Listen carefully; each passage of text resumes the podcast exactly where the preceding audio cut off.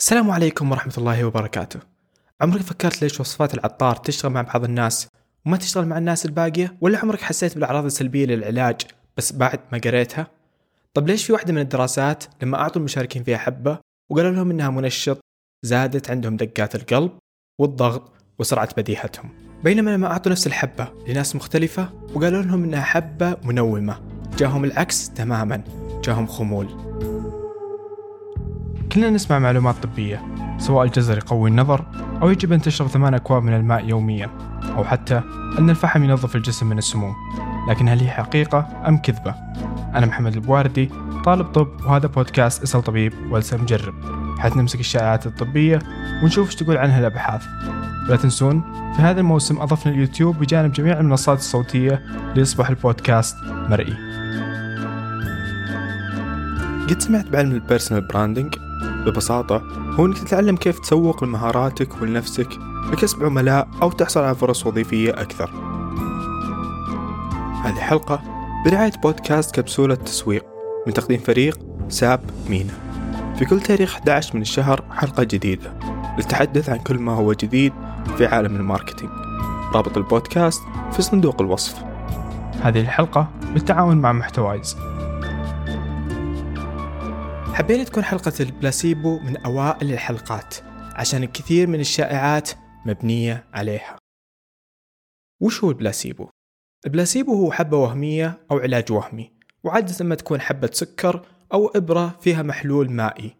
ولكن المهم في الحبة أو العلاج الوهمي هو تأثير البلاسيبو.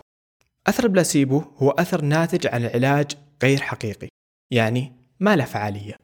وقد يكون الأثر إيجابي أو سلبي والبعض يسمي الأثر السلبي بالنسيبو معنى آخر أثر البلاسيبو هو أي أثر لتناول دواء لا يمكن أن ينسب للعلاج نفسه. طيب قبل ما أتكلم كيف يشتغل خلينا نتكلم وش فايدته. يستخدم البلاسيبو في التجارب والأبحاث العلمية والتجارب مزدوجة التعمية وهي التجارب التي ينقسم فيها المرضى إلى قسمين. قسم يعطى العلاج الوهمي البلاسيبو وقسم آخر يعطى العلاج الحقيقي. وتسمى مزوجة التعمية لأن الطبيب والمريض لا يعلمان من هم من أي مجموعة أو أي دواء يعطون أو يأخذون. وأهمية هذا هو إثبات ما إذا كان الدواء له فعالية حقيقية أو أن السبب فقط هو أثر البلاسيبو. طب كيف يشتغل؟ طبعا في هذه النقطة بالذات يطول فيها الكلام. وللآن الآن ما اتفق العلماء على شيء معين. ولكن اتفقوا على وجود أثر وكونه حقيقي وما زالت الأبحاث مستمرة للكشف عن أسرار هذه الظاهرة. وهناك أسباب محتملة. الأولى الهرمونات. ومن التفسيرات أن البلاسيبو ينتج مسكنات طبيعية بالجسم تشابه المورفين. وأثبتوا هذا الشيء بأنهم جابوا مجموعة وعطوهم بلاسيبو على أساس أنه مسكن. وبعدين أعطوا المجموعة مضاد لهذا المسكن. وجدوا أن المضاد اشتغل على البلاسيبو زي ما يشتغل على المسكن الآلام الحقيقي. النظرية الثانية اللي هي التكييف الكلاسيكي وهي فكرتها أن الإنسان يتعود على ربط آثار الدواء بشكل الدواء أو طعمه. فلو أخذ بلاسيبو وكانت تشبه حبة الدواء الحقيقية راح يجيه نفس أثر الحقيقي للدواء. والنظرية الثالثة هي التوقعات. عدة أبحاث أثبتت أن توقعات المريض لفعالية الدواء مهمة في كون الدواء فعال. لو أعطي المريض بلاسيبو وكان يتوقع أنه دواء حقيقي راح يجد أثار الدواء الحقيقي. وكلما زادت قوة توقعاته زادت قوة الأثر. ومن الأمثلة الملفتة للنظر البلاسيبو المكشوف. ويعني أنهم يعطون المرضى بلاسيبو ويخبرونهم أنه بلاسيبو.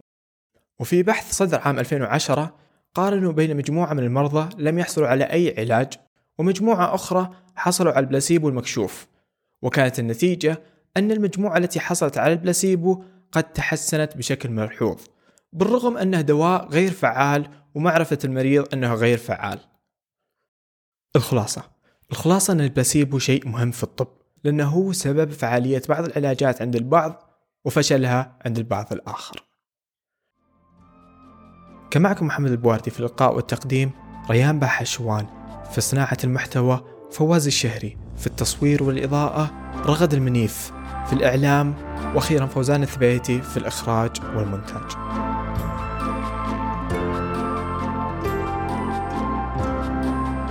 في قرارات صغيرة وتترك أثر كبير يقدر يغير أسلوب حياتك للأفضل. أنا كبودكاستر ضالتي الفكرة وطاردها في كل مكان. ولأن اليوم يطلع لي أكثر من 100 خبر عالمي أحاول أدور بينها على مواضيع وأخبار مختلفة لحلقاتي. عشان أصنع محتوى يلامس الناس لقيت نشرة جريد وسهلت علي وهي الراعي لهذه الحلقة. كل صباح ألقى نشرة جديدة من جريد على إيميلي بلغة بسيطة وممتعة جدا وكل نشرة بموضوع مختلف. مثلا اليوم وصلني عن خبر عملات الرقمية وأمس عن مشاريع الذكاء الصناعي. وقبله عن اقتصاد بعد كورونا. اشترك معي في نشرة جريدة الصباحية على الإيميل واحدة من المحطات اللي أدمنت الوقوف عندها. وبس بحدود الخمس دقايق. اشترك في نشرة الجريدة اليومية من الرابط بوصف الحلقة ولا تخلي إلهامك يوقف.